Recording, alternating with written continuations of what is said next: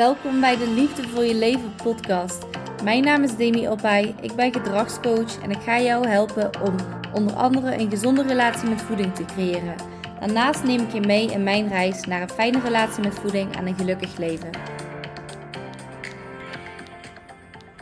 Nou, welkom allemaal bij een nieuwe podcast. Ik heb vandaag ook weer een gast in deze aflevering.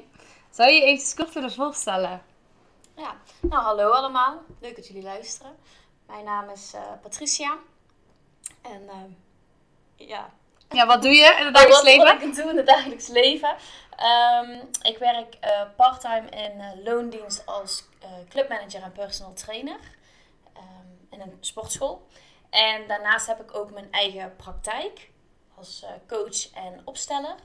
Ik verzorg namelijk familieopstellingen en ja, NLP-coaching. En daar help ik mensen eigenlijk ja, meer bij het creëren van rust in het hoofd, maar ook bij hun relaties en daar... Uh, ja, ja, hele mooie praktijk heb je. Ik heb het al gezien. Ehm, voordat we het gesprek gaan beginnen verder, ga ik nog eventjes met jullie een aantal disclaimers delen. Want uh, het onderwerp waar we het vandaag over gaan hebben, uh, is voor ons best wel een gevoelig en een kwetsbaar onderwerp. En we willen vooral zeggen dat het niks is advies wat we hier vertellen.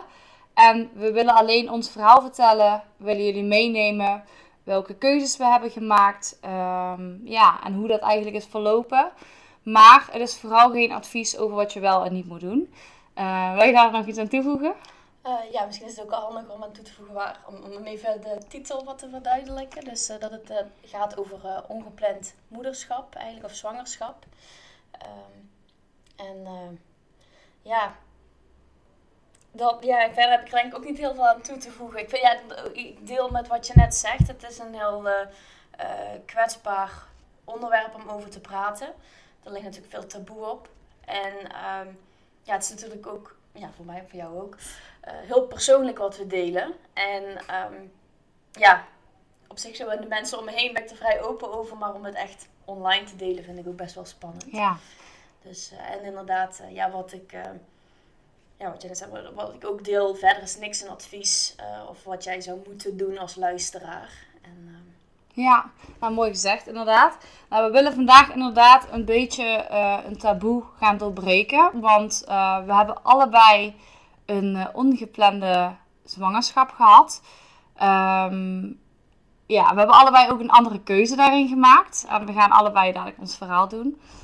En um, er zijn wel een aantal mensen die dat weten, maar ik weet ook dat er heel veel mensen hier een oordeel over gaan hebben. En dat kan omdat diegene daar helemaal niks van af weet ten eerste. Um, iemand weet bijvoorbeeld niet wat een abortus is of uh, ja, heeft nog nooit een zwangerschap meegemaakt. Het kan zo zijn dat iemand zelf geen kinderen kan krijgen, dat je zelf uh, daarmee struggelt. En dat je daardoor um, ja, een oordeel op het veld, of misschien het tegenovergestelde, dus uh, ik wil jullie eventjes vragen om alle oordelen even los te laten tot uh, na deze aflevering. Um, ja, Patricia, wat, uh, wat was jouw eh, uitdaging de laatste tijd? Wat heb je meegemaakt? Um, nou, ik zal even proberen het soort van samen te vatten wat er in de afgelopen periode is gebeurd. Ik ben in mei samen met mijn ja, toenmalige vriend, helaas zijn we op dit moment niet meer samen, zijn we erachter gekomen dat, ja, dat ik zwanger was. Uh, of nog steeds ben eigenlijk. en um, ja, dat was echt meteen een mega rollercoaster waar we terecht in kwamen. Want we waren echt maar een half jaar in elkaars leven zoiets. En ja, we waren nog lekker aan daten en het was helemaal leuk. En natuurlijk hadden we uitdagingen en waren er dingen spannend. En, um, maar ja, het, liep verder heel goed, althans vanuit mijn beleving. Uh, daar wil ik ook even een, meteen al een disclaimer uh, in de lucht gooien, moet ik het zeggen. Uh, ik ben hier inderdaad echt om vooral mijn verhaal uh, te delen. En dat ik het verhaal vanuit de vader van mijn kindje dus uh, zoveel mogelijk bij hem wil laten. Um, en um, ja, dat, dus dat ik ook, het, is de vader van mijn kind. Um, ik wil het niet respectloos over hem zijn, want het is, ja, we zijn allebei in een rollercoaster terechtgekomen en we doen echt allebei het ja, het beste, wat we denken dat het beste is. Dus dat vind ik wel, dat is denk ik tevens ook de, de grootste uitdaging om terug te komen op jouw vraag. Um, is eigenlijk samen tot een beslissing kunnen komen. We wilden namelijk allebei de andere route kiezen, om het zo te zeggen. Uh, allebei met hele duidelijke onderbouwingen. We hadden allebei een heel duidelijk antwoord waarom. Ehm, maar toch kwamen we niet samen tot één beslissing. En ehm, ja, die beslissing heeft er eigenlijk voor gezorgd dat we uit, uit elkaar zijn gegaan. Ehm, en op dit moment is er ook geen contact sinds een paar weken. We hebben het wel nog altijd geprobeerd, maar we haalden niet meer echt het beste in elkaar naar boven. Het triggerde bij ons allebei heel veel. Over dingen die we hadden meegemaakt in het verleden, maar ook onze eigen uh, ja, moet het zeggen, onze eigen minpunten, pijnpunten, waarvan we allebei heel goed bewust zijn dat we die hebben uh, om aan te werken, zeg maar. Die kwamen heel erg aan het licht. Um, en daardoor hebben we uiteindelijk een beslissing moeten maken om op dit moment helemaal geen contact te hebben. En um, ja, het, is niet het, het, contact zelf, uh, niet, niet contact zelf hebben wat de grootste uitdaging is, maar gewoon eigenlijk de hele relatie daarin op zich. En ja, eigenlijk als ik het zo bekijk, kan ik er nog honderd benoemen. Um, het hele proces is een grote uitdaging. En tegelijkertijd is het echt het mooiste gegeven wat ik ooit heb gekregen. Want ja, ik had een hele grote kinderwens. Ik wilde heel graag moeder worden. Alleen had ik om het ideale plaatje te schetsen, dacht ik, nou weet je, de relatie nog pril. Als het over zeg twee, drie jaar of zo nog allemaal goed loopt, dan uh, komen de kindjes dan. Ehm, maar uh, ja, mijn kleine babygirl was nu heel klaar om te komen. En uh, ik ben er verder ook meer dan klaar voor. Alleen het leven loopt wel heel anders dan dat ik verwacht had. En ja, mijn ego is gewoon keihard gekrenkt. Hoe waren jouw twijfels toen dat, toen dat jullie allebei, hij wilde dus eigenlijk liefst dat is nog geen kind. En jij, ja, je wilde niet de keuze maken om het weg te halen. Mhm. Hoe ging dat? Het gesprek bedoel je? Of, ja, hoe ging het eh, in je hoofd bijvoorbeeld? Uh, nou, ja, grote errors. Je gaat heel veel wat-als scenario's bedenken. je gaat allemaal situaties bedenken van, oké, wat als ik het weg laat halen, wat gebeurt er dan allemaal? als ik het hou, wat gebeurt er dan allemaal? Um, ja, en waar kan je dan aan denken? Ehm, nou, bijvoorbeeld als ik de, um, in ieder geval, als ik even kijk naar de relatie, waar je dan ook aan denkt, want ja, bedoel, ik zat eigenlijk nog op de roze wolk, om het zo te zeggen. Uh, in beide scenario's liep ik een heel groot risico om hem te verliezen. Waarom? Um, hij was duidelijk over zijn keuzes. Als ik zou kiezen om het te houden, dan wist ik dat ik een risico zou lopen dat hij afstand zou nemen. Maar als ik een andere keuze zou maken, wist ik dat ik niet meer met hem zou willen samen zijn omdat ik het dan zou doen voor hem. Ja. En dan wist ik van mezelf, dan is de, uh, de dynamiek zeg maar verstoord. Omdat ik wist dat ook mijn... Familieafstellingen en zo, hoe is het ehm, dat dan? Ja, nou, dat was inderdaad ook nog wat heel veel meespeelde. Want ik zit natuurlijk in die wereld. Dus dan ga je ook vanuit dat perspectief heel erg nadenken. Maar je gaat ook gewoon heel erg kijken naar de feit van... Oké, wat, wat is er nu? En um, ik merk ook nu dat mijn hoofd uh, alle kanten op schiet. Dus soms wil ik heel veel in één keer vertellen. Dus dan weet ik het even niet. Dus sorry voor de luisteraars ook als het geen structuur heeft of het is onduidelijk. Het hoeft niet altijd structuur te hebben. Mhm. Maar uh, hoe ook niet altijd structuur te zijn natuurlijk. Maar ja, dat is iets super kwetsbaar. Maar hoe, um, hoe heb je dan uiteindelijk toch zo besloten... Hoe had je dat gevoel dat je zei van nee, ik kan het niet weg laten halen, ik wil het niet weg laten halen, ik ga het houden? Ondanks dat ik het alleen moet doen misschien. Ja, nou dat kwam eigenlijk dat we dus... Um, eigenlijk vanaf het moment, om even een beetje terug te spoelen. Uh, ik was op vakantie. Uh, alleen, die had ik nog gepland staan. En uh, daar voelde ik al dat ik zwanger was. Ik had hem al geappt, als ik op vakantie te ongesteld word, dan moeten we een testen als ik terug ben. Maar doordat koffie vies werd, alcohol als de duivel voelde, ik dus niet ongesteld werd, pijnlijke borst had, wist ik al genoeg. Ik ben zwanger. Ja. En um, toen had ik eigenlijk al in mijn boekje allemaal mogelijkheden opgeschreven. Oké, dit gaat er komen, dus wat... Ik had op geen moment nagedacht over weghalen. Dat was gewoon geen optie in mijn hoofd. Nou, toen kwamen we dus terug, die test gedaan. Nou, positief. Ehm, toen een paar dagen daarna, want hij moest meteen weer werken, dus dat was eigenlijk ook eigenlijk heel vervelend. Um, een gesprek gehad en ja, toen vertelde hij zijn kant van het verhaal. En toen dacht ik, oh ja, inderdaad, ik snap je helemaal. En um, we gaan het inderdaad weg laten halen en we moeten dit inderdaad niet doen. Ehm, Want ja, ik, vond het, ik, ik, ik zag zijn pijn en zijn angst en zijn verdriet. Dat ik dacht van, oh, dat kan ik hem niet aandoen. En ik had op dat moment nog helemaal niks tegen niemand gezegd. Geen vriendinnen, geen familie, helemaal niks. En hij wel, met zijn vrienden en familie. En hij zei, maar ik je wel dan met je familie en zo te praten, want dat helpt wel echt. Want je hoeft het echt niet alleen te doen met mij. En toen weet ik nog dat ik zei, ja, maar dan moet ik mezelf herhalen. En dan weet ik, weet je, dat, dat was voor mij het confronterende. Want ik had op dat moment, zei ik van, oké, we gaan het weg laten halen, het inderdaad beter. Maar diep van binnen wist ik gewoon van, ja, maar nee.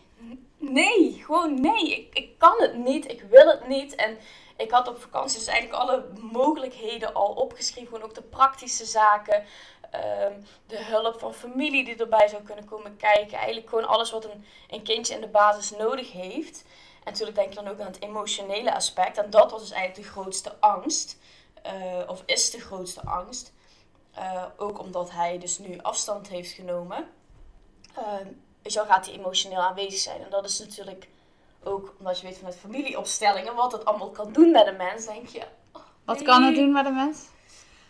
Um, nou ja, als iemand, uh, wat je bijvoorbeeld in opstellingen wel eens terugziet, is dat er bijvoorbeeld een bepaalde band verstoord is. En dat uh, bijvoorbeeld ja, een dochter, dus met de vader, geen emotionele band is. De vader is niet aanwezig geweest. Dat zij daardoor een verstoorde relatie krijgt met mannen en haar eigen uh, liefdesrelaties. Mm -hmm. um, en ja, dat wil je niet voor je kind. Want al meteen, vanaf het eerste moment, het liefst wil je dat je kind gelukkig is en het allemaal goed gaat. Alleen tegelijkertijd besef ik ook dat mijn kind gaat tegen dingen aanlopen. Ze gaat heftige dingen meemaken. En uh, zij is ook een mens. Zij heeft ook een lot. Perfectie bestaat Perfectie niet. Perfectie bestaat niet. En dat, het eerste, de eerste reactie wil je dat uh, wegnemen, zeg maar. Maar dat, tegelijkertijd weet ik diep van binnen dat dat niet aan mij is. Want ik zou het ook heel vervelend vinden als mijn moeder of vader iets van mij wegneemt. Want ik wil ook mijn eigen lessen kunnen leren. Dus um, ja, dat was echt super moeilijk in dat proces. En je denkt dus inderdaad na van, oh ja, um, wat moet ik allemaal? En toen inderdaad om even terug te komen, zei ga er met je familie over praten. Nou, ik dat gedaan en mijn familie was heel supportive. Ze zei allemaal, welke keuze jullie ook maken, jullie moeten het samen doen, wij staan erachter. Um, je had me toch iets verteld toen, toen je naar je familie ging. Was er iemand, wat, iemand jarig en toen was er nog een nieuwtje die dag. Uh, ja, ja, ja, dat klopt. Uh, het was op moederdag dat ik dat vertelde. Alleen, uh, ik was bewust wat eerder naar mijn moeder gegaan om daarover te praten. En um, omdat ik nog niet wist of ik met mijn zussen dat ook wilde bespreken. En ja, dat was even heel heftig. En op hetzelfde moment kwam mijn zus aan dat zij en haar man ook verwachting waren. En dat is natuurlijk super goed nieuws, maar bij hun was het inderdaad zoals gepland. En uh, uh, ja, dat, dat was zo'n dubbele, uh, dubbele dag eigenlijk. Want het was iets heel moois. En tegelijkertijd zat ik zelf natuurlijk nog helemaal met mijn handen in het haar van welke keuze moet ik maken. En toen wisten hun het nog niet? Nee. Nee. Nee, nee. Want ik wist het zelf ook pas sinds, wat het, vier dagen daarvoor of zo. Ja. dus dat was wel, ja heel blij zijn, maar toch is ja, het, was, het was een heel dubbel. Ja, nou, ik, ik was wel echt heel blij voor uh, mijn, mijn zus en haar man. Alleen, die voelt zich tegelijkertijd heel schuldig, want mijn verhaal overschaduwt dan het goede nieuws. Omdat ik nog niet wist wat, wat we gingen doen. Dat was toen nog een vraag. Of ja, diep van binnen wist ik het wel. En um, toen ook later die dag ben ik het ook aan mijn vader en zijn vriendin gaan vertellen.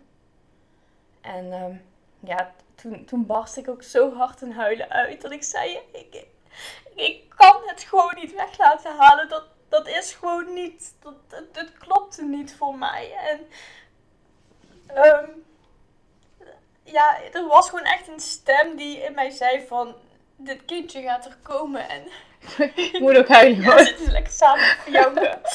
en um, zoals we al eerder in de podcast ook hebben aangegeven, weet je wel, er is geen goede of fout, foute keuze. Dus ja, ja, maar wel als je niet de keuze maakt die, die jij niet wilt, misschien. Ja, ja dat, dat is wel een heel belangrijke.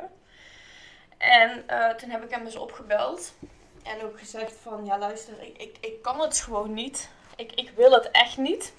Maar ja, hij wilde het ook echt niet. Dus ja. Hoe ging, hoe ging dat? Toen kwamen jullie wel konden jullie wel een, eh, elkaar begrijpen of ging dat, ging dat niet meer in dat Ehm, gesprek? Ja, ja en nee. Ehm, wat ik, waar ik persoonlijk heel dankbaar voor ben en ons, onze manier van communicatie die we hadden, is dat. ehm, ja, het is eigenlijk ook wel grappig. Was onze sterkste punten zijn ook allebei onze valkuilen. We hebben allebei een hoog empathisch vermogen. We zijn altijd heel erg bezig met de ander. Eh, maar daarentegen betalen we dus soms wel de prijs dat we onszelf wegcijferen. Ja, en dat komt met dit precies aan, helemaal naar boven, weet je Ja. wel. Ehm, Dus dat is voor jullie allebei een soort van hele goede les om voor jezelf te kiezen en niet... ja, dat is wel wat er zeg maar uiteindelijk ehm, is gebeurd. Althans, zo kijk ik nu op dit moment naar de situatie. Ehm, want op zich, er, was wel een begrip, weet je, omdat we dus allebei wel mensen zijn die ook naar elkaar kunnen luisteren. Ehm, maar tegelijkertijd kwam er toen een heel proces waarin we elkaar verloren. Weet je, de, de ene dag ging het, het contact goed, de andere dag niet. En ehm, ja, we vielen ook allebei echt wel terug in oude patronen. Zo kwam bij mij mijn eh, angstige hechtingsstijl heel erg naar voren.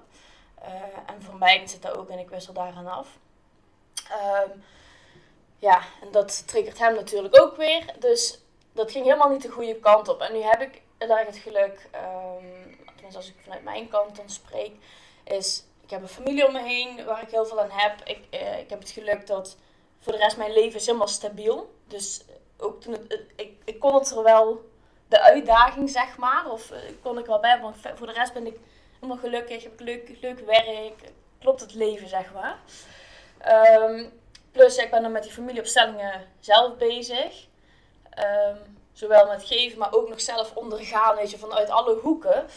Ehm, dus dat geeft mij ook heel veel rust. Want ja, ja familieopstellingen zijn geen, geen magic pill. Helemaal niet. Ehm, maar wat het mij altijd brengt, is dat het de waarheid laat zien. Gewoon, het laat hetgeen zien wat is. En doordat ik daar, doordat het samen is gegaan bij mij, heb ik daardoor ook een bepaalde acceptatie gevonden. ehm, en wat mijn aandeel is, zijn aandeel en ook het aandeel straks van het kindje, of nu eigenlijk al van het kindje. En ehm, Wanneer, Ja. wanneer, wanneer komt het kindje? Naar planning natuurlijk. Naar ja, januari. januari. Hoeveel? Ja. Begin januari? Eind Begin, begin januari. begin ja. januari. Oké, dat is wel... eh, is het nu op 24 weken of zo dan? Ja, ik zit nu inderdaad eh, zo goed als op 24 Oké. weken. Ja. Ja, dus... ehm, En hoe voel je het nu? Ehm, ja, eigenlijk wel goed. Er zitten af en toe wat dagen bij dat, ehm, ja, dat ik ja, wat minder voel of zo. De, de hormonen die schieten soms ook alle kanten op. Er zijn dagen dat ik denk, oh, hoe ga ik het allemaal regelen? Want het is wel gewoon heel veel. En tegelijkertijd zit ik in een super mooi proces. En er zijn er ook gewoon dagen of nachten bij dat ik eh, dromen heb. Of nachtmerries, net hoe je ze wil noemen. Ja, over de vader van het kindje. Want het is wel gewoon een rouwproces ook.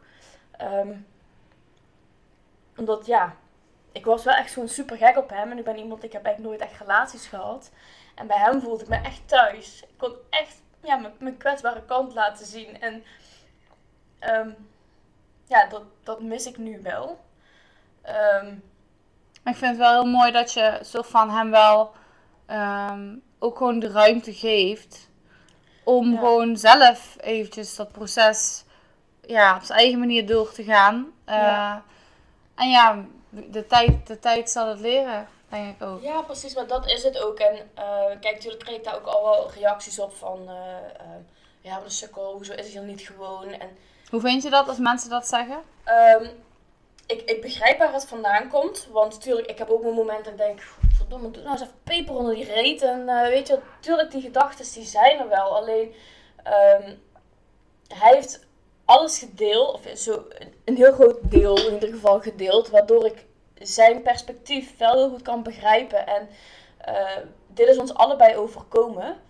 En... ehm, ja, het laatste gesprek dus wat we hebben gehad, dat hij aangaf van ja, mijn gevoel dat ik echt tijd voor mezelf nodig heb, omdat hij zat zo met de handen in het haar, ook andere dingen die bij hem speelden, dat ik het, enige wat ik nog kon was zeggen van of, of hem daarin supporten, omdat toen dat ik zeg maar heb gekozen om het kindje te houden, heeft het ook eh, mij een soort gevoel gegeven om voor mezelf te kiezen, want toen deed zijn mening er eigenlijk ook niet meer toe.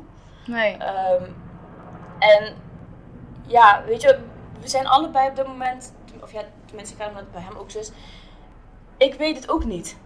Er is geen handleiding over hoe ik dit moet doen. Nee. Ehm, er zijn wel inderdaad mensen die soortgelijke dingen hebben meegemaakt en dan zeggen hoe je het zou moeten doen. Maar nee, ieder Maar ja, mens wat, wat zijn andere dingen die je, die je hebt meegemaakt en uiteindelijk ben je daar ook uitgekomen? Ja, precies. Ja, dus, dus dat is het ook. En ehm, nu ook achteraf, nu hebben we dan eh, sinds er drie weken of zo uit mijn hoofd, ik weet niet precies, dan echt gewoon helemaal geen contact. En ehm, ondanks dat het dan zijn idee was, zeg maar, kom ik er nu ook wel achter dat het voor mij eigenlijk heel goed was. Want de laatste maanden gingen, dat, dat was niet lang draaglijk en dat zuigde ons allebei leeg. Dus ehm, ik hoop gewoon op dit moment dat hij zijn manier hierin vindt. En ehm, ja, meer kan dan dat, dan kan ik op dit moment niet doen. Nee, precies. Voor mijn gevoel. En ehm, ik, Uiteindelijk komt sowieso altijd alles goed. Als Ja. het wil. Maar hoe, dat maar weten we hoe- nog niet. Nee, dat weten we nog niet. En ehm, het scheelt natuurlijk wel. ehm, ik had dit nooit allemaal alleen alleen kunnen doen. Nee. Ik heb echt een Ben je er ook nu eh, juist achter gekomen welke mensen echt, echt dicht bij je staan? Ja, ja, echt wel. Ja, en ehm, hoe bijzonder familie is. en ja, dat, dat merk ik wel echt. Dus welke mensen echt dicht bij je staan. En eh, ja, dat, dat geeft echt ook alweer heel veel liefde. En dat is ook wel heel bijzonder. Dus het, het, het, is, eh, ja, het is een fucking rollercoaster waar ik in zit. Ook gewoon met alles samen. Met een bedrijf wat eigenlijk nog allemaal zo vrij nieuw is. En ehm, eh, ja, maar zo verder ja, ben ik wel oprecht gelukkig en dankbaar. Ik kan niet wachten ook om mijn kindje te Ja, ontmoeten. dat geloof ik. Ehm, en inderdaad, de tijd zal het leren over ja, de vader, zeg maar, hierin. Dus, eh, Ja, want stel, wat gebeurt er bijvoorbeeld in een familieopstelling? Maar ja, kijk, jij weet daar meer over. mhm. Als bijvoorbeeld, als je, ja, als je, iets, als je iets laat weghalen, stel je al het laten eh, weghalen. Hoe, Mhm. hoe zit dat? Ehm, nou, wat je, er zitten ook verschillende aspecten. En ik bedoel, ehm, het het kan alle kanten op. Er is geen één verhaal. Eh, maar wat je bijvoorbeeld vaak terug ziet komen is als het eh, niet verwerkt is. eh, of het is eh, doodgezwegen, zeg maar, want het is nooit gebeurd. Dan eh, kan het doorgegeven worden. Dus dan wordt het of herhaald in eh, verschillende eh, generaties. Of je ziet dat je bijvoorbeeld dan op, als je op een later moment in je leven een kind krijgt, dat het kind die plek in gaat nemen. En dan voelt het kind zich niet zichzelf en dan is het... En ze weten niet waar het vandaan komt. Ze weet niet waar het vandaan komt. Dat is bijvoorbeeld een kind die altijd zoekend is. Ja, wie ben ik nou eigenlijk? Ja, Dat is een voorbeeld. Het kan heel veel kanten opgaan. En ehm, ja, dat is wat je daarin ook ziet. En eh, wat bijvoorbeeld een andere mogelijkheid zou zijn eh, bij het weg laten halen, is dat je dan denkt dat je het verwerkt hebt. En als je dan op een later moment toch besluit om zwanger te raken, dan wordt het wel weer aangetikt. en maakt het En voor jou ook duidelijker dat, om dan de, juist deze keu- keuze te maken door die kennis? Ehm, die, die kennis heeft er wel bij geholpen. Maar ik weet natuurlijk ook dat met de keuze die ik nu heb gemaakt, door het te houden en dat ik dus eh, dat er een mogelijkheid bestaat dat de vader nooit een rol gaat spelen. Ehm, dat zij daar ook weer. ehm, Ja, dus het was allebei hadden ja, natuurlijk het- risico's. Ja, het, het heeft allebei risico's. Als je vanuit de familie, eh, of ja, risico's, ja, vanuit familieopstellingen gaat kijken. eh, Consequenties. ja, consequenties, zeg maar. En wat ik dus zo mooi vind aan familieopstellingen is dat het laat zien dat, dat je eigenlijk altijd de juiste keuze hebt gemaakt. En eh, dat je altijd op dat moment hebt gedaan waarvan jij dacht dat goed was. En datzelfde zie je terug als dat je bijvoorbeeld een bepaalde band hebt met je vader of je moeder of een ander familielid. En je neemt je vader bijvoorbeeld kwalijk omdat hij eh, er nooit was en dat hij altijd werken was. Dat je dan in zo'n familieopstelling bijvoorbeeld naar voren krijgt eh, dat hij dat deed vanuit goede bedoelingen. Omdat hij financieel voor het gezin wilde zorgen. En dat hij dacht dat dat het beste was. Ja. Maar blijkbaar heb je als kind dan tekort gekregen. En doordat dat soort dingen allemaal inzichtelijk worden, en ik kan nog Honderdduizend. honderd- honderdduizend dingen benoemen. Ja. Ligt er nog Eh, net aan, iedereen heeft ook een ander gevoel erbij. Precies, iedereen heeft een ander gevoel erbij. En eh, zo'n familieopstelling laat eigenlijk zien dat een mens bijna altijd, ja, het ligt, of we gaan nu even eh, de RGK's over mishandeling, seksueel misbruik, oorlog, die hebben weer andere uitkomsten, zeg maar. Ehm, maar dat het altijd wordt gedaan vanuit liefde. Dus ehm, Van ouders naar, naar het kind. Van ouders naar het kind en dat je altijd eigenlijk het beste doet eh, wat je Ja. hebt kunnen doen. Met de wetenschap ook die je op dat moment hebt. Ja, en kijk, als, als je, het is heel vaak wat als. We gaan vragen, je zei straks al, Ja. wat als, wat als. Ja. Dat heb ik natuurlijk ook gehad.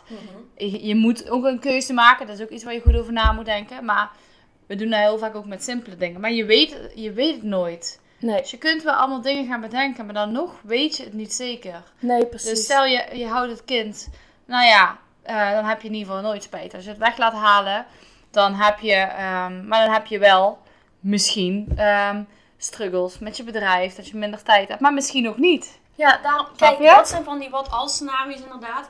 Kijk, ehm, de, ik kan nu gaan bedenken van, ja, wat als ik het weg zou hebben laten houden, dan was mijn bedrijf anders gelopen of dan ging dit zus of zo. Ehm, dat weet Ja. je niet. En dat zal ik dan natuurlijk vanuit eh, jouw kant van het verhaal. Misschien is het wel leuk om even Ja. de switch te maken. Ehm, ja, ja, jij kan natuurlijk ook allemaal wat als scenario's gaan bedenken. Maar oké, joh, we weten allebei dat dat geen zin heeft Ja. eigenlijk. Want we hebben nou eenmaal die keuze gemaakt. En bij mij was het wat als vooral heel erg in ehm, de, ook de ervaring van anderen. Wat als ik het weg laat halen? Ook, ik wist wel iets over familiesystemen, maar ook over mijn gevoel. Wat als ik dadelijk heel mijn leven spijt heb? Ehm, en ik was me heel erg druk aan het maken ehm, voordat ik de keuze heb gemaakt over de praktische dingen. Ehm, even voor de duidelijkheid. eh, ik heb dus, ik was dit jaar een aantal maanden geleden, eh, best wel recent. 21, vanaf 21 april was ik dus eh, zwanger. Ongeveer vier weken later waren we een weekendje in Rotterdam. En ik, ik had echt heel heftige buikkrampen. En ik wist maar niet wat het was. En ik had toevallig net een paar weken daarvoor had ik al een paar van die kleine dingetjes. Allemaal van die rare klachten. Wat dan misschien niks daarmee te maken had. Maar daardoor zei mijn vriend van... Kom, stel je, stel je niet zo aan. We zijn een weekendje weg. Dus ik probeerde me echt te vermannen. Maar het ging echt niet. Ehm, nou, uiteindelijk echt een paar keer op bed eh, gelegen al toen we weg waren. En ehm, ik weet nog dat ik... Een paar dagen later was ik op een netwerkevent. En toen had ik een gesprek met iemand over een ongeplande zwangerschap. En zij was daar dus zo enorm op tegen. En ehm, toen wist ik nog niet... Laten halen, of... Nou, ik wist nog niet dat ik zwanger was toen. Oké, ja. Eh, de dag daarna kwam ik erachter. Eh zij was er dus, zij had zeg maar een ehm, bedrijf over dat ze zelf moeilijke kinderen kon krijgen. Hielp ze dus echt andere vrouwen die dus in het ziekenhuis niet geholpen konden worden met de zwangerschap. Dus best wel ingrijpen wat ze deed. Eh, dus ik vertelde eigenlijk zonder namen te benoemen dat een vriendin van mij dat dus ook kort had meegemaakt en dus de abortus had gepleegd. En toen vertelde zij van dat ze daar echt niet achter stond. Eh, en de dag daarna, ehm, nou ja, nee wacht, laten we even eerst hebben over diezelfde dag. In de avond, ik moet dat even ophalen allemaal. In de avond ehm, was ik aan het koken. En ja, ik had op het terras al 's middags een wijntje gedronken en het smaakte me al niet. En s'avonds was ik aan het koken, iets met champignons. En ik kon wel een kokhalter gewoon. Gadverdamme. ik zei tegen Sergio, mijn vriend, ik hoef echt niks te eten. Gadverdamme. En toen zei hij, nee, je bent toch niet zwanger? Maar ik had dus vier weken daarvoor mijn eh, spiraaltje eruit laten halen. Omdat ik dus geen hormonen meer wilde. Eh, altijd veilig gedaan. Eén keer niet. Maar toen heb ik de dag daarna een morning after pill genomen. Want ik dacht, pill is beschermd. Ehm, maar blijkbaar werkt dat dus ietsje anders. Dus ik dacht, ik kan toch niet zwanger zijn? Dat gaat niet. Want ik ben beschermd geweest, dus dat kan niet. En toen zocht dus toch maar voor de zekerheid een testje doen om het uit te sluiten. En eh, nou echt nog geen 10 seconden en die test was al hartstikke positief. Ja. Die streep was niet een beetje rood, die was echt duidelijk. ja. En ik was even in, eh, een beetje in shock. Ik dacht, huh, dat kan niet. Ik zeg tegen Serge van, ik ben zwanger. En toen weet ik nog dat hij... ehm, het klinkt trouwens alsof ik nu aan het lachen ben, maar ik ben eventjes in, in dat stukje, in dat moment. Hij maakte dus een grappige opmerking erover. Omdat hij dus oprecht ook dacht dat ik het niet wilde houden.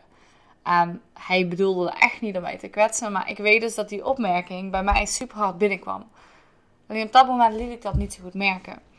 Ik had meteen zo'n gevoel eigenlijk van... Ja, weet je wel, ik kan het niet weg laten halen. Ik kan, ik kan het niet doen. Ook nog niet helemaal over nagedacht natuurlijk. Toen weet je wat, eerst maar eens even de dokter bellen. Eens even, ja, wat gebeurt er? Ik was eigenlijk stiekem heel blij of zo aan de ene kant, aan de andere kant niet. Ik wist het even niet. Eh, ook de hormonen speelden natuurlijk een super grote rol. Ja. En ehm, ja, toen ehm, best wel, ik vind het best wel lastig om erover te praten trouwens, merk ik. Ik niet zo goed uit mijn woorden kom. Toen best wel een eh, lastige week gehad. Ja, dat is even iets heel kwetsbaar. Best wel een lastige week gehad. Eh, wel heel snel een echo kunnen maken. En het was wel duidelijk dat het ja, gewoon een eh, zwangerschap was. Van zes weken geloof ik. Ehm, ook gezond, alles was goed. Alleen was ik echt, ik was echt super ziek. ik voelde me echt vreselijk. Ehm, hoe was dat bij jou trouwens? Voelde je je slecht op het begin of niet? Ehm, nou ja, dat, dat kwam eigenlijk best wel laat. En op vakantie voelde ik me eigenlijk dus gewoon verder nog goed. Ik had dus alleen dat koffie en wijn gewoon vies was. Ja. Ehm, en ik denk dat die, dat die misselijkheid en zo eigenlijk allemaal pas daarna is gekomen. Maar ik denk natuurlijk ook een combinatie van uh, ja, het hele, de hele rollercoaster waar ik samen ja, met vriend in kwam. Want ja, de wereld staat ineens op zijn kop. Dan voel je ook niet beter door. Dan voel je ook niet beter door. Dus het was natuurlijk een combinatie van allemaal die emoties. Maar toen ben ik op een gegeven moment werd ik ook wel um, misselijk ernaar. Maar voor de rest voelde ik me wel. Uh, ja. Ja, dat is dan natuurlijk ook bij iedereen anders. Ja. Ik had echt, ik voelde me echt, ik was echt ziek. Ik uh, kon echt uh, heel, ja, niet goed eten. Dus de dingen die ik at, uh, waren ook niet per se de beste keuze. Maar op dat moment, ja, ik moest wel. Anders had ik niks. Ook door emoties boeide het me allemaal niet meer. Ik had geen zin om te sporten, om te wandelen. En uh, ja, ik zorgde even heel slecht voor mezelf op dat moment. En uh, nou, toen in ieder geval wel naar elkaar uitgesproken van ik zei van ik kan het niet weg laten halen. En de dag daarna zei ik weer van oké, okay, ik kan het nu niet houden, want het past niet in mijn leven. Ik ben nog niet klaar voor. Ik wil nog een opleiding doen, et cetera, et cetera. Um, maar ik merkte ook wel de mensen waar ik mee over praatte, zeiden dat ik eigenlijk me heel erg druk maakte over de praktische dingen. Um, ja, nou, toen heel veel gesprekken gehad met uh, Sergio. En uh, ja, toch wel lastig, want mijn keuze ging echt van een minuut kon die wisselen. En ik wist echt niet wat ik moest doen. En met best wel een aantal mensen gepraat erover. Um, en dan was ik heel zeker ervan om me niet te houden. En de dag daarna dan weer wel. Hoe stond Sergio daarin? Ja, hij wilde, hij wilde dus nu gewoon echt niet. Hij, hij wil wel kinderen, maar ja, kijk, we zijn ook pas een, uh, toen nog geen jaar samen. Mm -hmm. uh, we wonen zeg maar uh, wel al samen. Maar ja, hij, wil, hij zegt zeg maar, als hij kinderen wilt, wil hij super graag, en dat begrijp ik echt. Hij wil gewoon echt, echt daar veel tijd voor hebben. Hij vindt het echt gewoon rot als hij dat niet heeft. Mm -hmm. En ja, kijk, het is natuurlijk ook niet zo van, oh, nee, mijn kind kan meteen zomaar even min, veel minder gaan werken. Mm -hmm. Nou, financieel is het in Nederland tegenwoordig best wel uh, duurder geworden. Ja, ja. Uh, maar ja, en ik kon op dat moment ook echt niet werken. Het had echt invloed op mijn coaching. Uh, ik was echt depressief. Ik, wa ik was echt depressief door die hormonen. En dat had natuurlijk ook geen goede invloed op een relatie. Ik was alleen maar negatief, alleen maar aan het zeuren over de pijntjes die ik had. Alleen maar, ja, voelde me als een slachtoffer. Alleen maar aan het, ja, aan het janken gewoon. Ja. De hele dag door lag ik als een wrak op de bank. Ik zag er echt vreselijk uit. Ja. Het boeide me allemaal ook echt even niet. Um, ja, en toen de week daarna ging hij dus naar Malta. En um, ik heb tegen hem gezegd dat hij ook gewoon moest gaan. Uh, hij had het met vrienden geboekt en hij keek er heel tijd al naar uit. Ik zei, weet je wat, het komt wel goed. Het, het gaat wel. En dat dacht ik echt op dat moment. En toen is hij dus ook gegaan. Uh, en ik weet zeker dat als ik gezegd ik wil niet dat je gaat, dat hij hier was gebleven. Maar toen was hij dus in Malta. En mijn emoties en mijn hormonen, ja, die gingen echt alle kanten op. Ik, ik heb normaal gezonde jaloezie, maar dat heb ik goed onder controle. Maar toen, ik, uh, ik was weer agressief, ik was weer uh, jaloers. Ja. Extreem, maar echt extreem. Ik was gewoon, ik had een soort van angst van, als ik de baby hou, uh, gaat hij weg. En ik wist helemaal nog niet of dat wilde. Maar ik had ook een gevoel van, ik ben nu een wrak, zit thuis en hij is in Malta. En Ja. dadelijk, dadelijk heeft hij, omdat hij ook in een rollercoaster zit, dadelijk heeft hij leuke aandacht en weet ik veel dit en dat. Dus ik ging me allemaal wat als scenario's. Oh ja. En ik lag hier alleen met te huilen op de bank en ik kon verder ook niet iets leuks doen. Uh, dus ja, dat hielp niet echt mee. Ehm, ik weet ook nog dat ik, zelfs in mijn zwangerschap, dat ik... Ik was thuis bij mama en ehm, er wa- waren mensen op bezoek, kennissen. En hun wisten natuurlijk helemaal niet wat er aan de hand was. Maar op dat moment zeiden ze iets wat me triggerde. Ja. En ik kon er gewoon niet tegen. En toen ben ik echt... eh, ik ben echt vol tegen ingegaan. Terwijl ik normaal heel goed dat ego aan de kant kan zetten. Mhm. En daarna, ergens in de bijkeuken, helemaal in huilen ingestort. eh, dat was al toen, toen, toen ik de keuze had gemaakt. Ehm, Was de, eh, alleen de keuze gemaakt of was daar ook al de actie? toen het al gebeurd was, ja. al gebeurd, ja. Dus ja, toen uiteindelijk toch besloten van... Oké, ik ga even niet denken aan me, alleen aan mijn gevoel nu. Dus ik dacht eh, iets anders. Want... ehm, ja, dat heb ik dus ook met de psycholoog en alles besproken met de, dok- de huisarts. Mhm. Want nu zitten natuurlijk ook die zwangerschapshormonen, die heb ik nog. Ja. En die willen misschien alleen maar het kind, snap je? Dus Mhm. Eh, ik kwam ook gewoon niet tot een keuze. En toen ging ik echt denken van oké, wat wil ik over een paar jaar? En natuurlijk, er is nooit een perfect plaatje. En toen dacht ik van wel eigenlijk heel graag nog dit en dit en dit, een opleiding. Ik wil misschien nog naar het buitenland veel meer. Mhm. Ehm, ja, dus uiteindelijk toch gedacht aan wat meer geïnteresseerd over de toekomst. En toch de keuze gemaakt om eh, het niet te houden. Maar ook omdat ik me ontzettend depressief voelde. Ik voelde me slecht. Ja. En ik dacht, als ik dit mijn hele zwangerschap moet hebben, dan eh, ja, dat kan, krijg ik niet gehandeld. Nee. Dan kan ik ook niet mijn klanten begeleiden, dan verdien ik niks, dan eh, gaat het allemaal niet goed. Dus toen toch daarvoor gekozen en ook wel dan deels voor mezelf gekozen. Ehm, ja, toen was het nog de vraag, ja, je gaat dan eerst naar de dokter, dan ga je naar zo'n kliniek toe. Van, eh, wat ga je doen? Ga je het weg laten halen? En zo ja. Ehm, ga je dan ehm, een pil innemen? Ga je dan een, ja, het uitje laten, de curettage? Dat klinkt allemaal heel heftig. Ehm, want ja, het was, nog heel, het was nog heel vroeg. Dus het kindje heeft nog... De enige her- hersencellen die hij heeft zijn alleen pas spiercelletjes. Mhm. Dus het kindje is niet bewust eh, daarvan. En natuurlijk, er zijn ook mensen die zeggen dat is een zieltje. Eh, Ja. maar die zeggen ook, die is al blij dat hij is kom- mogen komen kijken. Dus, ehm, maar ik dacht wel voor mezelf, oké, hoe kan ik dit nu wel omzetten naar iets positiefs? Dat ik me niet schuldig ga voelen. Ehm, en dat je je schuldig voelen van jezelf? Ehm, nou ja, kijk, het is zeg maar. Ik voel, me, ik voel me ook niet schuldig. Want ik heb gewoon gekeken van.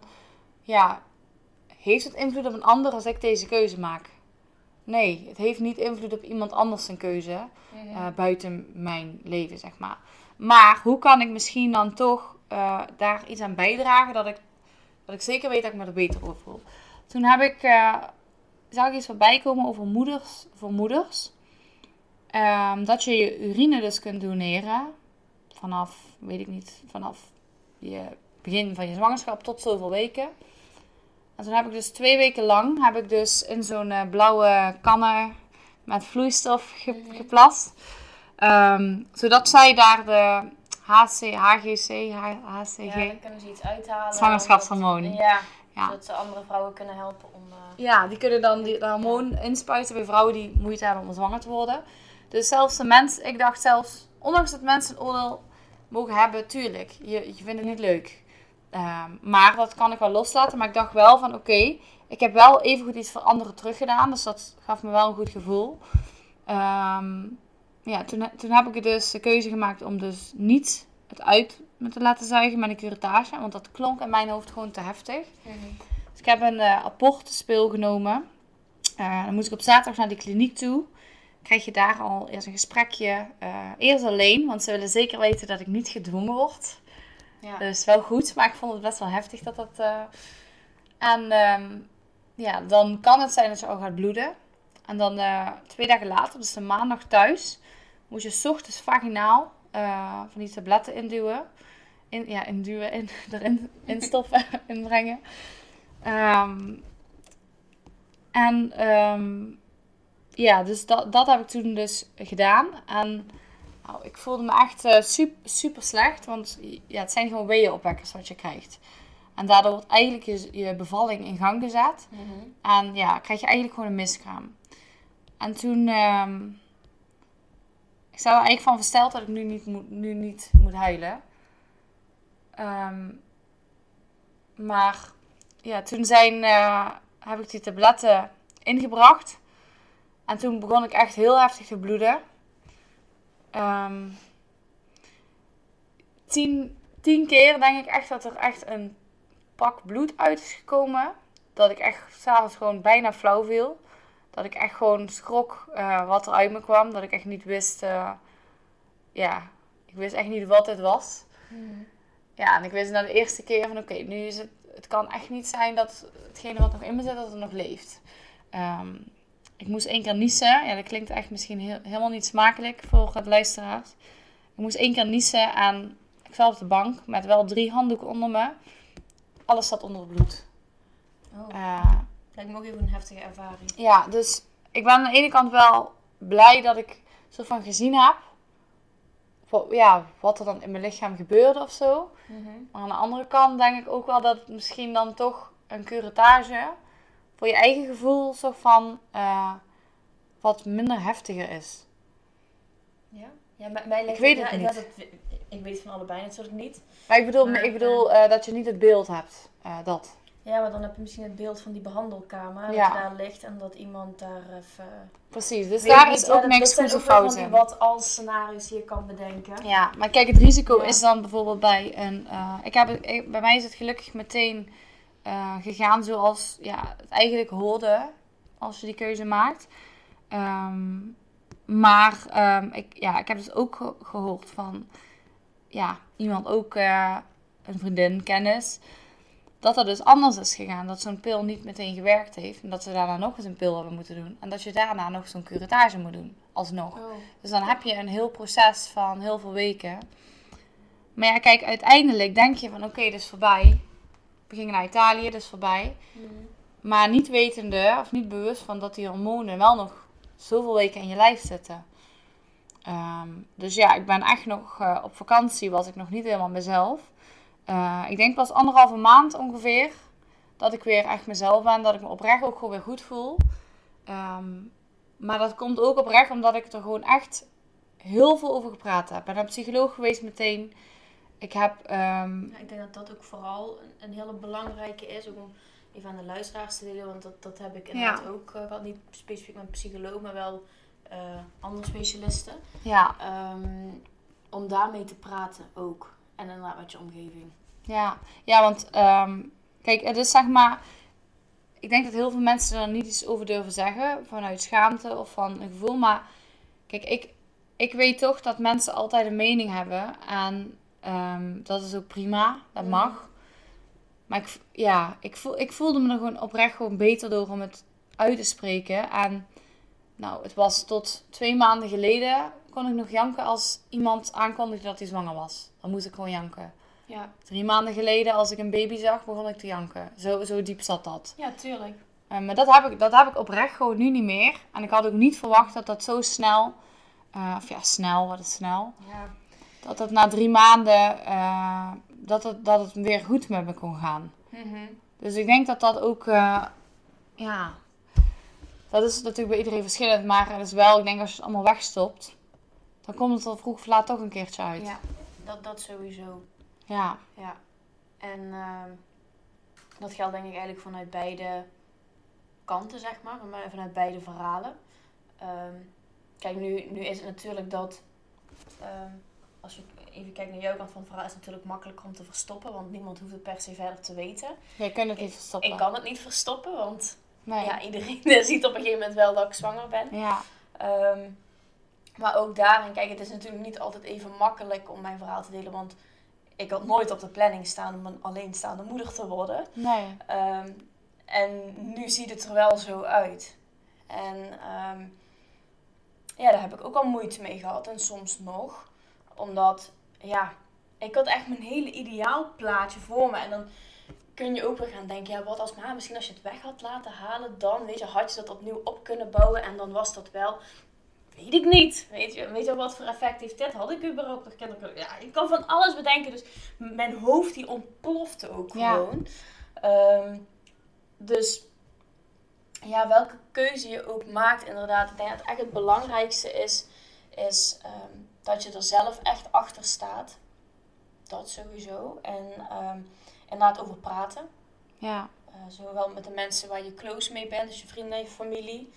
Ehm, maar ja, mij heeft inderdaad ook wel geholpen om, ja, ik, ik heb zelf altijd heel veel aan de methode familieopstellingen. Dus dan, die heb ik er eh, laten doen. Eh, maar ben ook ja, naar de huisarts geweest en eh, daar even kort ook mee gesproken. Ehm, en ja, dat raad ik ook iedereen aan. Ook ho- hoe je verhaal ook Nou, wat, is. mij, wat, mij, wat ik een beetje vervelend vond, en de luisteraars weten toch niet wie of wat mijn huisarts is, maar eh, nou, ik had dus een gesprek met de huisarts en ik weet zeker dat het niet vanuit de verkeerde intentie was. Maar ik had een soort van een gevoel dat ik het toen nog wilde houden. Mm. En de huisarts was eigenlijk een soort van, ze mag geen advies geven, dat mag niet, maar ze, ze was tegen mij aan het zeggen van, ehm, ja, maar je moet ook even denken aan de lange termijn. Maar ik had een soort van het gevoel, omdat zij die keuze niet zelf zo gemaakt zou hebben, dat ze mij daar onbewust, niet, denk niet bewust, dan naartoe insturen was. Ja. En dat vo- vond ik eigenlijk voor iemand met, ja, die zat op dat gebied wel, ja, misschien iets hoger in de hiërarchie qua kennis, hè. Mhm. Ehm, ja, weet je, dan neem je ook sneller iets van aan. Dus toen dacht ik wel eventjes van, ja, waarom, Ja. waarom doet ze dat? Is, of is dat mijn perceptie, ja, maar zo ervaarde ik dat Ja. natuurlijk. Dus dan nog, je kunt met mensen praten, maar neem inderdaad niet, niet een advies aan van iemand of Nee, zo. nee, precies dat inderdaad. Ehm, ja, ik heb dus een totaal andere ervaring inderdaad met mijn huisarts. Die zei echt van ja, ehm, die, die keek echt bewust met mij naar de hele praktische zaken, de rationele zaken, de sociale situatie, hoe ziet je leven er verder uit. Ja, Ehm, Oké, het is geen, eh, het verdient geen schoonheidsprijs, zeg maar. Ik, ik ga niet volgens de boekjes, zeg maar. Ehm, maar ja, wat is wel volgens de ja, boekjes? wat is wel volgens de boekjes, hè? dat is ook weer zoiets. En ehm dat ze ook zei, ja, het- kind heeft liefde nodig, kun jij dat geven? Ja, ik wel. Maar dat, toen kwam weer het punt, ik zei, ja, maar ik weet niet of de vader dat kan geven. Maar wat nou als ik mijn kindje geen vader kan geven? En dat zij ook zei van, ehm, ja, ik snap dat je zo denkt. En natuurlijk, ieder kind heeft een vader en een moeder nodig. Alleen ik was ook jaren samen met mijn man. Wij kregen kinderen en hij besloot mij vervolgens te mishandelen. Toen moest ik ook weg van mijn man. Dat ik dacht, dat, dat, het is niet dat dat de, de doorslag gaf voor mijn keuze, dat niet. Maar dat liet mij wel nadenken over, weet je wat andere mensen allemaal meemaken. En dat ik daarna ook nog, eh, ja, een paar dagen later een verhaal las in de, in de Flair, geloof ik. Van een, van een stel die echt al super jong samen waren. eh, ideale huis gebouwd. Nou, toen ging de zwangerschap niet heel makkelijk. Moest het via IVF. Dus een heel traject. Nou, hadden ze eindelijk een kindje. Zwangerschap ging perfect. Vervolgens eh, was het kindje geboren. Werd de moeder eh, manisch depressief. En is de vader de een op andere dag teruggekomen thuis. Had ze zelfmoord gepleegd. Toen dacht ik ook van... Wow, echt. Er zijn zoveel verhalen die echt Ja, bizar zijn. En je kan van alles bedenken. En ja, dat gaf mij ergens wel zoiets van, weet je wel, we hebben allemaal iets. ja. En weet je wat is, als, als je Ja. helemaal niks meemaakt, als je kind helemaal geen uitdaging heeft, dan heeft het ook veel, dan staat het misschien uiteindelijk misschien straks achter een ontwikkeling. Dus dat is misschien ook niet altijd. Ja, Snap daarom je? weet je wel, het, het, het, het maakt ook wel weer ergens eh, het leven, zeg maar. Ja. Met zijn ups en zijn downs en zijn uitdagingen. En eh, ehm, ja, Wat, wat, hoe hebben, wat voor invloed hebben de hormonen bij jou gehad? Zwangerschapshormonen. in, in, in het maken van de keuze bedoel je? Of, nee, gewoon eh, in- of alles. Wat merkte je door de hormonen? Ehm, even kijken, het eerste trimester was ik, eh, ja, toen zat ik sowieso nog echt emotioneel vooral in die rollercoaster. Omdat ik natuurlijk ook nog ja, samen met eh, de vader van mijn kindje echt gesprekken had. En eh, ehm, toen deed het heel veel. Eh, ik weet dat ik die periode heb, ben ik ook echt vooral gewoon gaan werken in mijn loondienstbaan. En voor de rest heb ik heel weinig gedaan. Eh, ik had echt die rust nodig. Ehm, en zo voor de rest. Ja, wat doen de hormonen? Ik ben wel sneller emotioneel, ik moet sneller huilen. Eh, zo had ik dat ook met de opening van mijn praktijk. Ik had dan eh, eind juli een openingsfeestje. Ja, toen gaf ik ook een korte speech en bedankjes aan de mensen die eh, er heel veel aan hebben bijgedragen. Om die praktijk tot stand te kunnen komen, brengen. Ehm, dan echt bij iedere keer, ik moest weer huilen, moest weer huilen. En ik heb dat denk ik nog wel. Maar we- Ehm. toen, was het nog niet, toen was het nog niet bekend, natuurlijk. Eh, jawel. Toen, wacht.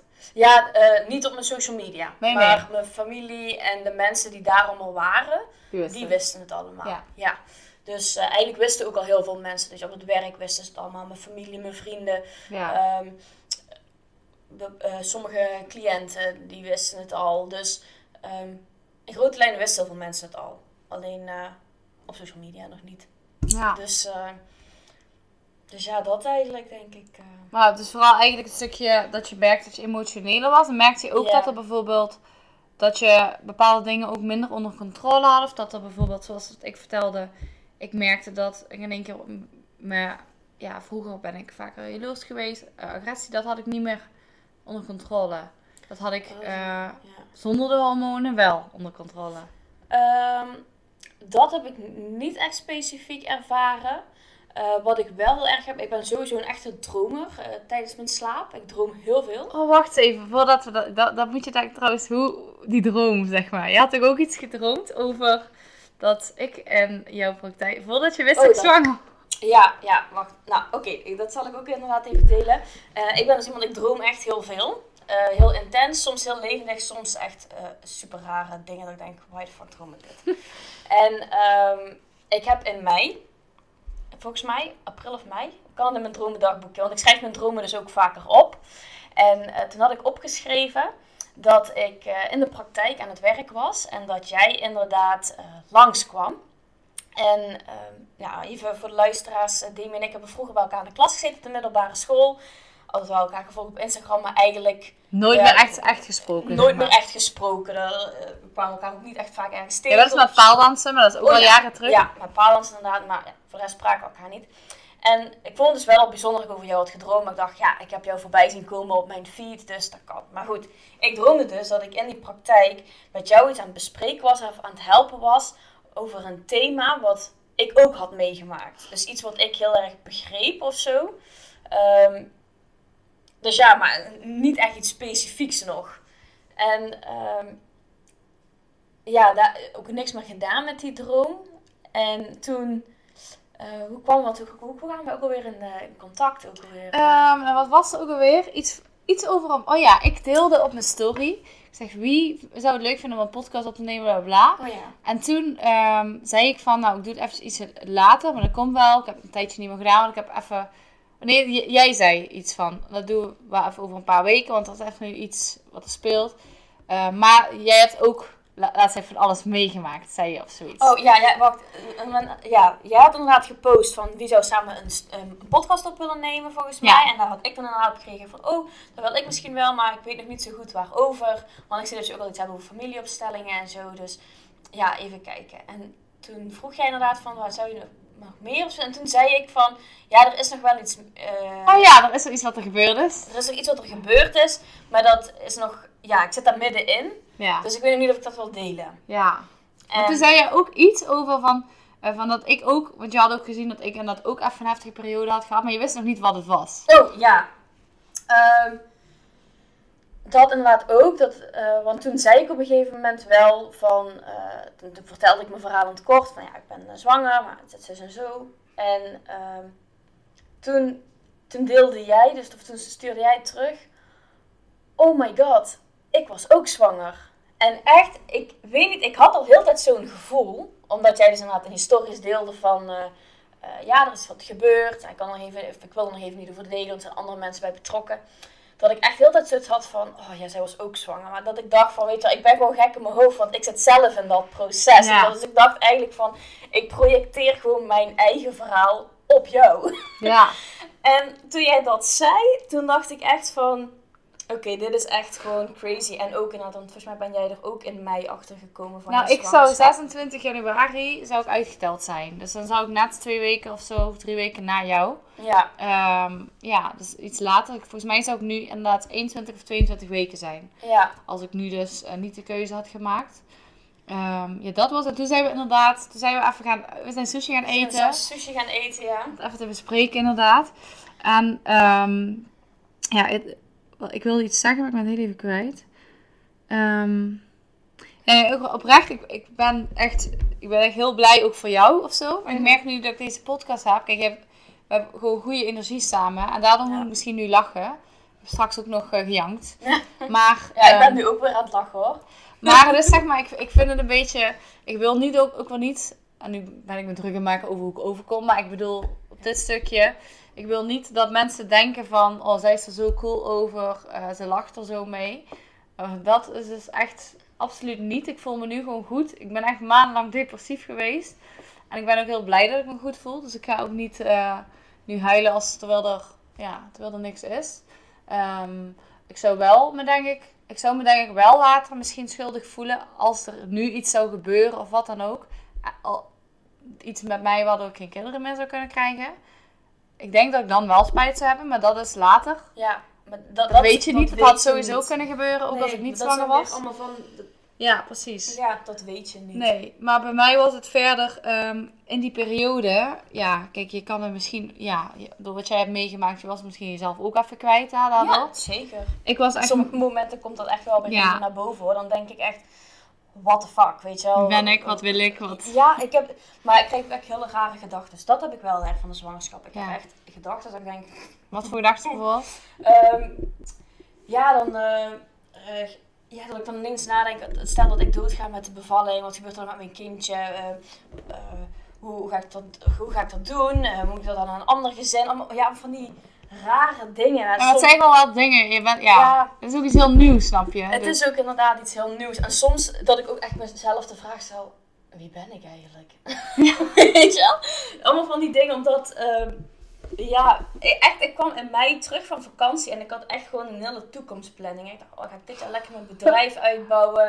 Ik ga lekker gewoon eh, op die roze wolk verder eh, ehm, in mijn relatie. We gaan gewoon lekker verder ontdekken en genieten. En ehm, ja, toen ineens eh, kwam dit, dat ik echt dacht van, oh, ja, want, want dat is ook trouwens wel heeft een plan. bijzondere. Ehm, in het vliegtuig, eh richting mijn vakantie, dan heb ik het over, ik weet niet precies, ergens tussen 3 en 5 mei of zo ben ik geweest. Dat ik in het vliegtuig eh, in een boekje schreef. ehm, dus ik, ga vaker alleen op vakantie. Ehm, vind ik gewoon lekker. ja. En dat ik opschreef van, ik heb het gevoel dat het de laatste keer is dat ik alleen op vakantie ga. Dat gevoel had ik. En dat ik zei, ik weet niet of dat komt omdat we dan een relatie blijven houden, of dat er iets anders is, maar ik heb gewoon echt het gevoel dat ik, eh, ja, dat, dat het laatste keer dat ik alleen ga. En eigenlijk was ik al niet meer alleen, want ik had al iets in mijn buik. Dus. ja, precies. Ehm, en dat ik dus inderdaad toen drie dagen later of zo, toen had ik ook op vakantie allemaal dromen dat ik eh, mijn menstruatiecupje ging verbranden en allemaal van die rare dingen. Dat ik denk, hoe verzin ik het? En eh, ja, toen dus inderdaad geen koffie en geen wijn meer eh, lustte, toen had ik echt zoiets, toen, toen wist ik het eigenlijk al. Ja, want dat lust je altijd normaal. Lust ik altijd. En ehm, dat ik toen al heb opgeschreven, of net iets na de zwangerschapstest, ik heb het gevoel dat ik een dochter krijg. Ja, dat is, dat is ook. Ja. Dus het, er zijn ook wel gewoon dingetjes eh, dat ik denk van... Ik speciale gave. Ja, ik mag mijn gevoel echt wel vertrouwen, mijn intuïtie. En ehm, het is niet dat intuïtie er altijd eh, waar zal zijn. En soms is het natuurlijk ook... eh, Soms verwaar je het misschien ook met je hoofd, hè? Soms verwar je het ook, zeker. Ehm, ik ook, iedereen. Dus ja, dat, dat is ook natuurlijk gewoon helemaal oké. En Ja. Zo verder ook. ehm, ik, ik vertrouw er gewoon op dat het verder allemaal eh, goed komt. Het is goed. Ehm, Als je nu terug zou Ja. kunnen draaien, als je nu iets terug zou kunnen draaien van de afgelopen nou, maanden, zou ik even zeggen.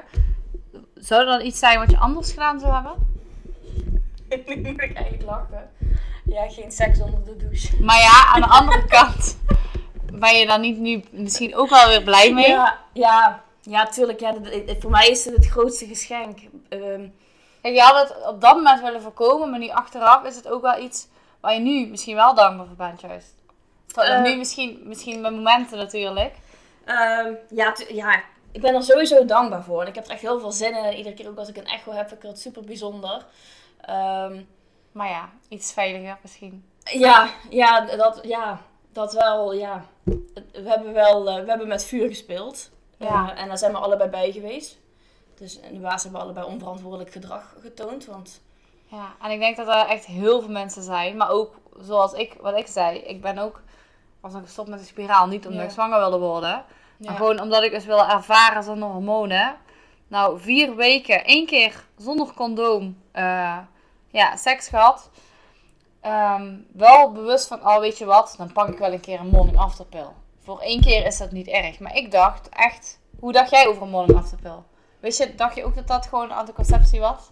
Eh, ja daarna. Ja. Ligt aan de uren daarna. hè. Ja, Dus maar het stel je het de dag gewoon daarna.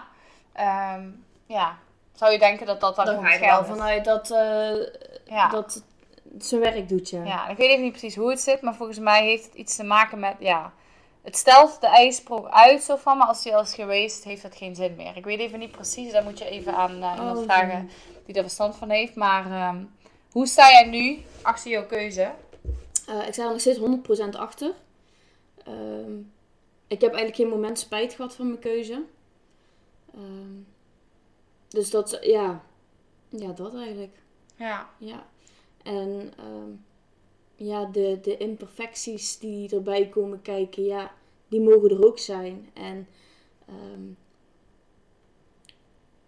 ja, die, dat, dat, dat is het gewoon eigenlijk voor mij. Het is, dit, dit is wat nu gewoon is. En eh, in mijn beleving, vanuit mijn perspectief, hebben we eh, ons best hierin gedaan om hier een, de, de juiste weg te vinden, zeg maar. Ja. Eh, dat heb ik hem ook gezegd de laatste keer dat ik hem zei. Ik zei van nou, als je kijkt dat je moet groeien met de riemen die je hebt, dan denk ik dat wij het wel goed hebben gedaan op onze manier. Ehm, met wat wij nu weten en kunnen. Ja. En eh, ja, toen hebben we de, die laatste keer ook nog samen even goed gewoon geproost op een, eh, op een dochter. Ah, dat is wel... Ja, daarom, en we hebben, ook, eh, we hebben ook wel grapjes gemaakt over onszelf en misschien bepaalde red flags die we aan elkaar hebben laten zien. Ehm, maar ja dat, ja, dat geeft mij eigenlijk wel rust. zeg Ik vind het wel heel krachtig dat je, ondanks dat je weet dat iemand anders echt, ja, ook, ook gewoon zeker is van zijn keuze, wat dan een andere keuze is, dat je dan nog gewoon, eh, ja, gewoon voor jezelf hebt gekozen. Ja. Vind ik echt, eh, vind ik echt, ja, supergoed. Want ik denk dat dat ook, ja, kijk, ik wist gewoon zelf niet wat ik wilde. Dat was het bij Mhm. mij. Ja. Ehm, maar eh, wat, wat, ja, ik sta ook 100% achter mijn keuze. Maar op het begin heb ik dat wel eens gehad dat ik dacht van dat is niet zo. Maar Nee, ik weet ook niet ik. of dat komt. ehm, ja, kijk, ik had. De de meeste mensen hebben gemiddeld drie weken na, ehm, na een abortus zitten de zwanger of na een miskraam zitten de zwangerschapshormonen er nog in. Mhm. Tot zes weken. Bij mij waren het acht en een halve week. Ehm, Oh. dus ik heb 8,5 weken nog last gehad van die hormonen. Dus ik weet ook natuurlijk niet wat, wat kwam, lag aan de hormonen, wat lag bij mezelf. Maar dat maakt niet uit verder Mhm. uiteindelijk. Maar echt die identiteitscrisis en zo, eh, blij dat dat voorbij is. Ja, Ja. dat kan ik me voorstellen. Dus eh, is er nog iets wat jij eh, graag wilt delen? Mm.